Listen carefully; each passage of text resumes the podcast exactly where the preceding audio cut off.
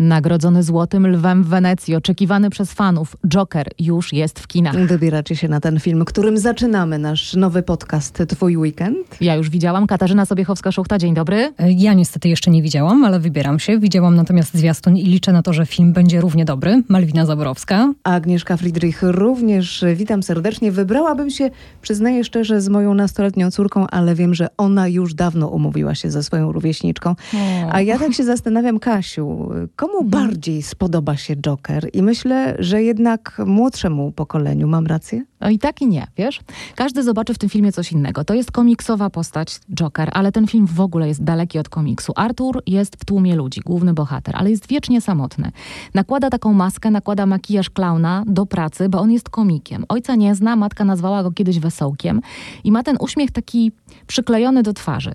Tylko, że jest prześladowany i przez nastolatków na ulicach, i przez y, urzędników w metrze, wyszydzany i nawet wyśmiewany y, przez klaunów, z którymi pracuje. Tak. Joaquin Phoenix gra w tym filmie człowieka, który chce znaleźć takie swoje miejsce w podzielonej społeczności mieszkańców Gotham City, bo tam się dzieje akcja, ale nie potrafi. Mówi się, że ta rola przyniesie mu co najmniej nominacje do przyszłorocznych Oscarów. Jest naprawdę fantastyczny. Tego życzymy, ale e, zastanawiam się tak, Kasiu, z czego wynika to e, odrzucenie Artura przez otoczenie. Artur jest chory, chodzi na terapię, jest samotny, jest nieśmieszny, a rozbawianie ludzi to jest jego praca, więc jest sfrustrowany. I widz, każdy z nas może prześledzić, jak z takiego słabego, nieśmiesznego klauna Artur przeobraża się w psychopatę, w czarny charakter i mówiąc krótko, w mordercę. Mhm. Kasiu, słuchałam twojej relacji po premierze tego filmu i wiem, że z Jokerem wiąże się jeszcze jedna rzecz. Po premierze w Stanach Zjednoczonych były nadzwyczajne środki ostrożności i teraz też y, takie będą. Sieci kinowe mają w pamięci tragedię sprzed siedmiu lat, gdy na pokazie filmu o Batmanie i Jokerze Mroczny Rycerz powstaje. Zginęło 12 osób. Zastrzelił je, pewnie pamiętacie, mówiliśmy Tak, o tym tak. w faktach. Szaleniec w masce Jokera. I sieci kinowe zakazały wstępu teraz do kin na pokazy nowego filmu osobom w maskach, w kostiumach. Będą specjalne środki ostrożności, tak jak mówiłam. Studio Warner Bros. wydało oświadczenie, że film w reżyserii Toda Phillipsa w żadnym wypadku nie jest, tu cytat, gloryfikacją przemocy, że to jest tylko i wyłącznie dzieło fabularne. No i każdy musi ocenić je sam. Tak, ciekawie zapowiada się ta premiera. E, Ja przyznam szczerze, że jestem też bardzo ciekawa czarnego Mercedesa, polskiego kryminału, tego stylu retro. Tak jest. Ja też, zwłaszcza, że w filmie gra Bogusław Linda. Gra, jest na plakacie, widzimy go, ale Malwina to nie jest główna rola, więc bądź czujna. szkoda. I raczej polecam drugą połowę filmu. O, może tak, bardzo um, ogólnie. Janusz Majewski, reżyser, nestor polskiego kina, to jest twórca lubianych i nagradzanych ekscentryków, e, czyli po słonecznej stronie ulicy, czy filmu e, CK Dezerterzy. Pewnie je pamiętacie. Tak, Nakręcił jasne. tym razem ekranizację mm, kryminalnej powieści swojego autorstwa. Najpierw była książka, to teraz jest film. Czarny Mercedes to jest opowieść sensacyjna o miłości, o zbrodni, o zabójczej namiętności. Czy mam powiedzieć, kto zabił? Nie. nie. Nie, absolutnie nie.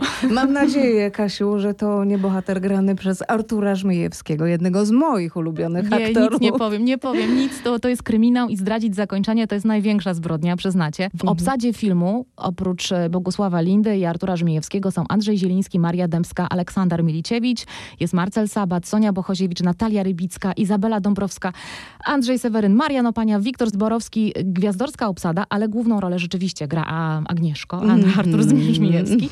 I pytałam go, na czym polega urok filmów retro Janusza Majewskiego. Przede wszystkim na tym, że opowiadane jest przez niezwykłej klasy dżentelmena, przez takiego człowieka, którego rzadko można spotkać e, w ogóle prywatnie, a w kinie e, no tym bardziej. No, nie wypominając, Janu- Janusz jednak ma swój wiek i pamięta bardzo zamierzchłe czasy, o czym dzisiaj tutaj zresztą mówił.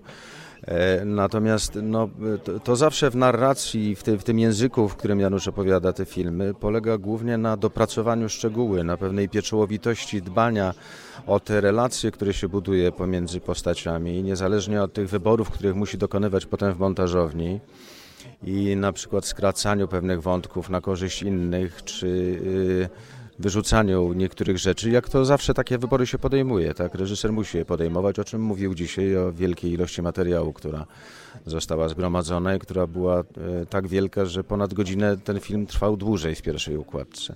Natomiast to niewątpliwie właśnie ta atmosfera y, filmów Janusza przekłada się to, co się dzieje na planie, bo ja miałem tę wielką radość i to wielkie szczęście już po raz trzeci spotkać się z Januszem Majewskim i po raz trzeci A ja sam też się trochę posunąłem w latach w tym czasie, od kiedy się po raz pierwszy spotkaliśmy. To muszę powiedzieć, że nic się nie zmieniło pod tym względem, że Janusz y, y, jak, zawsze jest tym samym uroczym, tym samym świetnie przygotowanym i tym samym dowcipnym człowiekiem, który bawi się i ma wielką radość z tego, że robi filmy. Nic się nie zmieniło. Wciąż uwielbiam słuchać Artura Żmijewskiego. A w zwiastunie pojawia się też Danuta Stenka. No właśnie. Jest filmową Wierą Gran. Śpiewa w getcie, robi to przepięknie. Zdobyłam dla was e, to nagranie. Jesteś Mm, nieoceniona, To Kasiu. posłuchajmy. Teraz nie pora szukać wymówek. Fakt, że skończyło się. Dziś przyszła inna, bogatsza i lepsza ode mnie i wraz z tobą skradła szczęście me. Jedną mam prośbę, może ostatnią, pierwszą od wielu lat. Daj mi tę jedną niedzielę, ostatnią niedzielę, a potem niech wali się świat. To ostatnia niedziela. Dzisiaj się rozstaniemy, dzisiaj się na wieczny czas. To ostatnia niedziela, więc nie żałuj jej dla mnie. Spojrzyj czule dziś na mnie ostatni raz. Przepraszam cię, za chwilę wrócę. Ostatnie zdanie należy, jak słyszycie, do Artura Żmijewskiego. Tym bardziej, Kasiu, jestem wdzięczna. Śpiewała Danuta Stenka, to scena z filmu Czarny Mercedes. Od tego weekendu film jest w kinach. E, W ten weekend, Kasiu, warto też zajrzeć do książnic na noc bibliotek. Tak się wybieram. Oczywiście to jest Mhm. akcja zachęcająca do korzystania z zasobów bibliotek, takiego wspólnego czytania, tak jak na przykład w Oleśnickiej Bibliotece Publicznej. Tam będą czytać Tolkiena. Mamy nadzieję, że uda się przeczytać całego Hobbita. E, Taki jest ambitny plan e, naszej biblioteki. E, Dlatego wydarzenie całonocne od 17 do 22 takie ramy sobie założyliśmy. Zapraszamy Was właśnie, żeby ten klimat tolkienowski tutaj w naszej bibliotece złapać. No i zobaczymy, jak sobie poradzimy, czy znajdziemy wspólny język właśnie z czytelnikami i czy uda nam się dogadać i tą całą książkę przeczytać. Na pewno się uda. Staszek Król z Oleśnickiej Biblioteki zaprasza też na kolejną giełdę książki. Giełdę książki uwielbiacie, ponieważ e, mamy na niej różnorodne tytuły, które znajdujecie. Czasami są to niewątpliwe perełki, e, czasami też e, sztuka w formie okładek i książek wydanym przed latami 70. Także serdecznie Was zapraszamy. Nocna giełda książki. No, wiem, że o niewątpliwych perełkach na pewno dużo wie Malwina. Mhm. Skoro jesteśmy przy książkach, w niedzielę poznamy zwycięzcę tegorocznej Nagrody Literackiej Nika. Tak. W finałowej siódemce, przypomnijmy, cztery powieści, dwie książki reporterskie i biedna biografia. Zgadza się. Oprócz reportaży Małgorzaty Reimer, Błoto słodsze niż miód i Mariusza Szczegła nie ma, w finale znalazła się biografia pióra Aleksandra Kaczorowskiego Ota Paweł pod powierzchnią. Beletrystykę reprezentują Prymityw, Epopeja Narodowa Marcina Kołodziejczyka, Krótka wymiana ognia Zyty Rudzkiej, Turysta Polski w ZSRR Juliusza Strachoty i Królestwo Szczepana Twardocha. Dziewczyny, macie jakieś swoje typy? Ja mam, ale Malwina pierwsza. Y, Ja stawiam w tym roku na biografię. Jestem e, świeżo po lekturze książki Ota Paweł pod powierzchnią. Bardzo czekałam na tę biografię autora mojej ukochanej książki, nazywanej ładnie przez e, Aleksandra Kaczorowskiego najbardziej antydepresyjną książką świata, choć o niezbyt optymistycznie brzmiącym tytule Śmierć pięknych saren. Paweł był synem czeskiego Żyda, człowiekiem dotkniętym traumą Holokaustu, powojennym ideowym komunistą, no później dziennikarzem sportowym i przede wszystkim genialnym pisarzem, niestety dotkniętym chorobą psychiczną. Jego życie nadaje się na scenariusz filmowy. No, na razie powstała doskonała biografia polskiego autora. Jak rozumiem, warto po nią sięgnąć. No moim zdaniem Mhm. tak, a już na pewno jeśli ktoś e, czytał Pawła, bo biografia autorstwa Aleksandra Kaczorowskiego jest trochę utrzymana w duchu książek czeskiego pisarza. Tam smutek, melancholia łączy się z humorem, optymistycznym w gruncie rzeczy przesłaniem, mimo że e, w książce jest dużo bolesnych wątków, e, także historycznych, takich jak zagłada czeskich Żydów, czy wspomniana nieuleczalna choroba czeskiego pisarza, który miał zdiagnozowaną cyklofrenię, psychozę maniakalno-depresyjną z elementami schizofrenii. Tak, ta choroba zaatakowała go, gdy miał zaledwie 34 lata. Śmierć pięknych saren e, Paweł pisał w ramach terapii. Zresztą w biografii znajdziemy sporo odwołań do prozy Pawła, ale na tym autor nie poprzestał. Odwiedzał miejsca, w których Paweł żył, em, lubił, które odwiedzał i Kaczorowski przeprowadził wywiady z tymi ludźmi, którzy pamiętają czeskiego pisarza. No, to jest kawał dobrej roboty. Biografię czyta się świetnie. Mhm. To też piękny hołd złożony znakomitemu pisarzowi. A zatem polecamy i jesteśmy bardzo ciekawe twojego typu, Kasiu. Ja się zasłuchałam w to, co mówi Mhm. Malwina, bardzo pięknie i długo. Ja powiem króciutko. Królestwo Szczepana Twardocha, Mhm, które tak moim jest. zdaniem ta książka powinna nosić tytuł w ogóle Królowa. A wszyscy, którzy czytali Króla, czyli pierwszą jakby część, będą wiedzieć dlaczego. E, f- fantastyczna historia, a ci, którzy mm, pamiętają jeszcze zdjęcia analogowe, wiedzą, że to, te książki, czyli Król i Królestwo, to jest jak e, negatyw i pozytyw tej samej fotografii.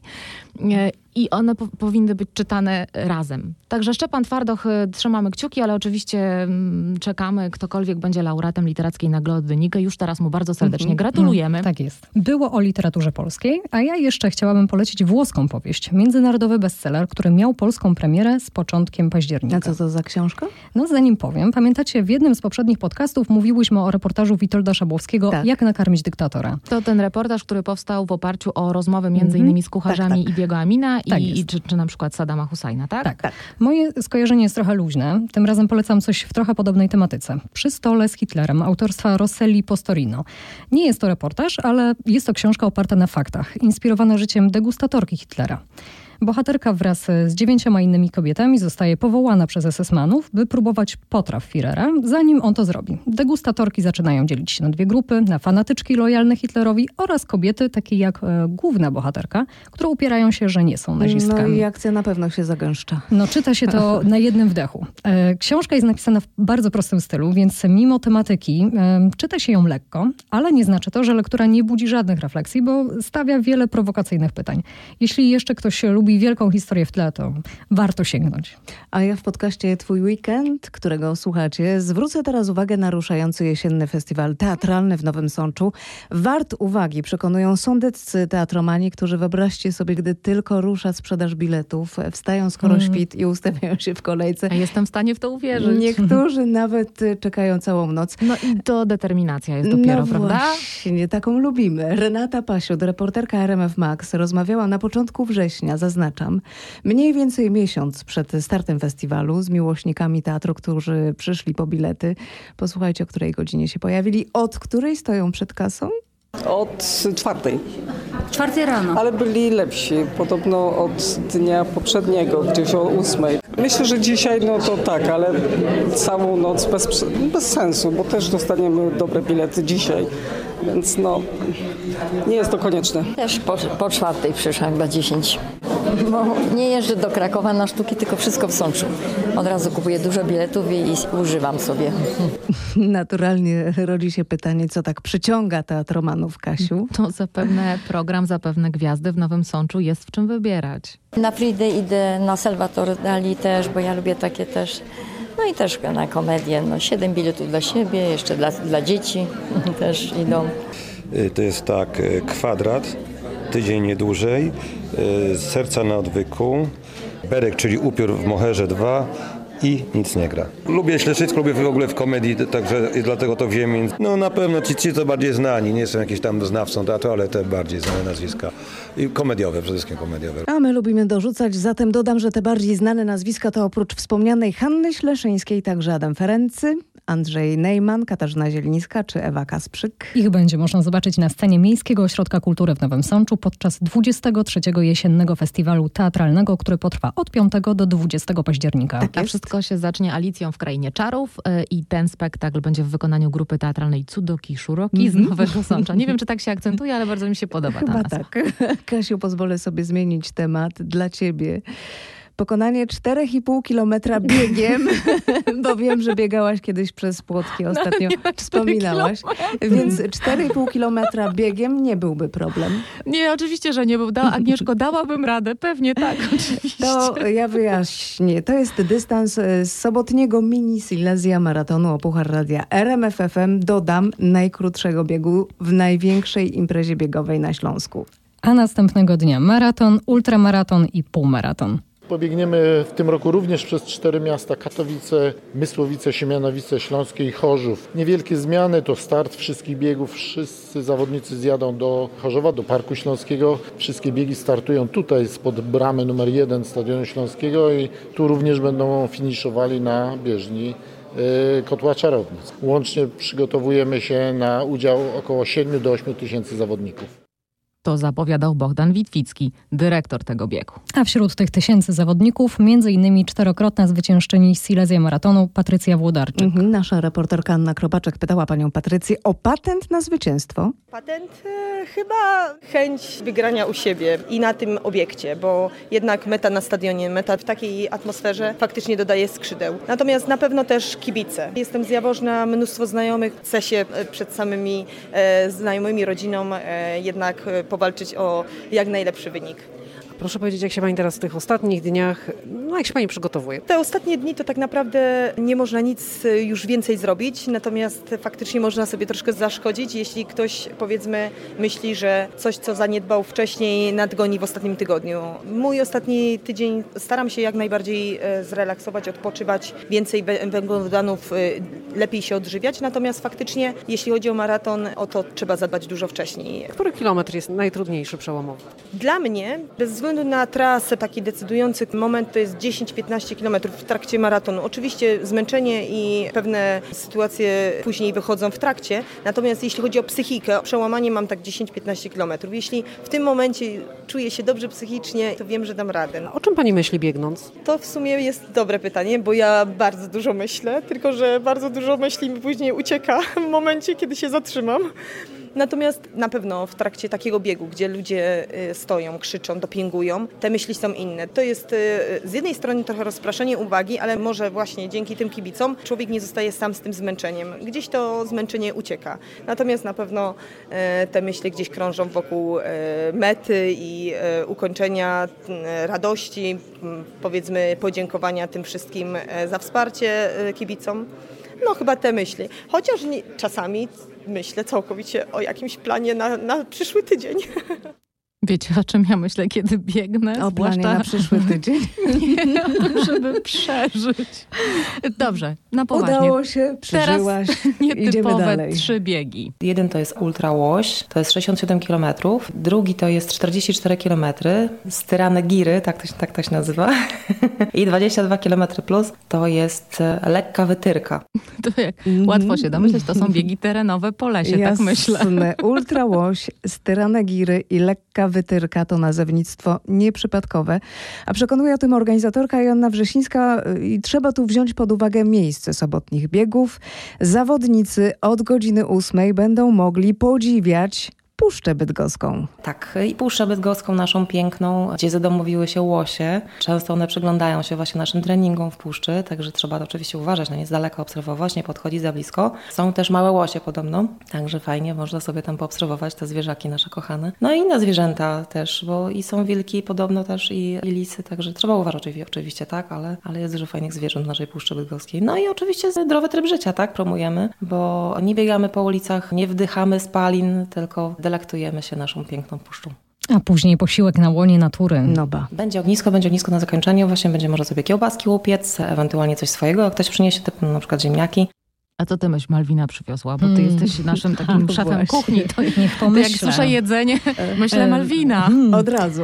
Ja mam teraz jesienne smaki. Kasztany pieczone w ognisku. Wow. Jej, to byłoby coś. Pyszności. Pachną trochę jak pieczone ziemniaki, trochę tak smakują, ale no, są znacznie słodsze. A dynia pieczona na przykład w ognisku. O mamo, genialny A. smak. Wcześniej skrapiamy to oliwą, solimy, owijamy folią, pieczemy. No pycha. No to narobiłyście mi smaku. Obok nas Bogdan Zalewski, autor podcastu Podsumowanie Dnia w RMF FM. Dzień dobry. Witamy Cię Bogdanie serdecznie. Dzień dobry, dzień dobry paniom i dzień dobry państwu. Bogdanie. Witam serdecznie słuchaczy waszego podcastu. To nasz piąty podcast, ukazujący się w piątek, w Wigilię piątego dnia dziesiątego miesiąca roku. Dziesiątka, jak wiemy, jest wielokrotnością piątki. Ty zazwyczaj przygotowujesz pięć podcastów tygodniowo i właśnie mija piąty tydzień twojego podcastowania i jesteś w podcaście twojego weekendu. Przypadek? Nie sądzę. Y, Przybij piątkę. Przybijamy. Przybiłyśmy piątkę Coś e, jeszcze? z Bogdanem. E, Co się pojawia w twoich podcastach? To jest obraz dnia, więc y, to są takie szkice y, tych wydarzeń, które są najważniejsze danego Mhm, dnia. I te szkice są kreślone przez naszych reporterów, korespondentów, y, którzy mają jakby całe, całą paletę radiową. Mogą, so, mogą sobie z tej palety wybierać przeróżne kolory, barwy, odcienie. Bogdanie, mnie interesuje oczywiście kuchnia. Podcast od kuchni. Jak to wygląda? Od kuchni, tak? Y, Mówiąc tak poważnie zupełnie, to praca zaczyna się właściwie od, od samego rana. To znaczy ja sobie słucham wszystkich naszych relacji, rozmów, czytam też depesze Mhm. i z kraju, i z zagranicy. Mhm. To jest mrówcza praca. Mrówcza, Mrówcza. rzeczywiście, jestem taka mróweczka. No i y, staram się z tego już od razu tworzyć jakiś obraz. To nie jest tak, że na, na końcu y, tworzę jakąś syntezę, tylko od razu y, w, w czasie tego podsłuchiwania, co robią nasi dziennikarze, reporterzy, staram się od razu myśleć nad tym, jaką to będzie miało ogólną strukturę. Z początkiem Y, dnia myślisz o podsumowaniu dnia. Tak, tak. Od razu Czyli słucham o jego końcu. Roberta Mazurka, od razu słucham. Wyłapuję Mhm. jakieś motywy z tego. Y, Łączę to sobie z jakimiś relacjami, które pojawiają się w kolejnych godzinach. Ale Staram się, żeby to była taka całość. Znaczy, to jest pewna opowieść. y, z poprzednich lat, na przykład, Tak. y, prawda? Chodzi o to, że mamy bardzo dużo źródeł, prawda? Mhm. To, jest tak, bo mówiliśmy o tej pracy, która jest taka właśnie bardzo, bardzo koronkowa, ale tak naprawdę to my możemy korzystać z- no, z, całej, z całej palety rzeczywiście naszych nagrań, więc to jest też ułatwienie duże. I to jest bardzo twórcze, kreatywne. Można sobie to rzeczywiście ze sobą łączyć w jakieś takie syntetyczne opowieści. Bo staram się, żeby to była narracja, żeby to była opowieść, żeby te fakty nie były od siebie odizolowane, ale jednocześnie staram się, żeby, żeby jednak nie wpływać na, te, na ten odbiór, na tę percepcję y, naszych y, słuchaczy, żeby oni sobie sami wyrabiali zdanie na ten temat. Naszym narratorem na koniec podcastu Twój Weekend był redakcyjny kolega, który moim zdaniem y, należy do tych ludzi, którzy mówią wyjątkowo piękną polszczyzną. Dlatego dla ciebie, Bogdanie, teraz zadanie, to ty zachęcisz do, i to jest trudny wyraz, subskrybowania? Ja zawsze staram się wolno mówić ten wyraz, No bo nigdy nie właśnie. mogę go wypowiedzieć. Zapraszam do zasubskrybowania. To jest piękna rekomendacja. Tak. Zachęcamy do subskrybowania. Zachęcamy do subskrybowania podcastów Twój Weekend, a także subskrybowania podcastu Podsumowanie dnia w RMFFM autorstwa Bogdana Zalewskiego. Dziękujemy Bogdanie za wizytę. Bardzo dziękuję. Dziękujemy. I wam, i waszym słuchaczom. Do usłyszenia.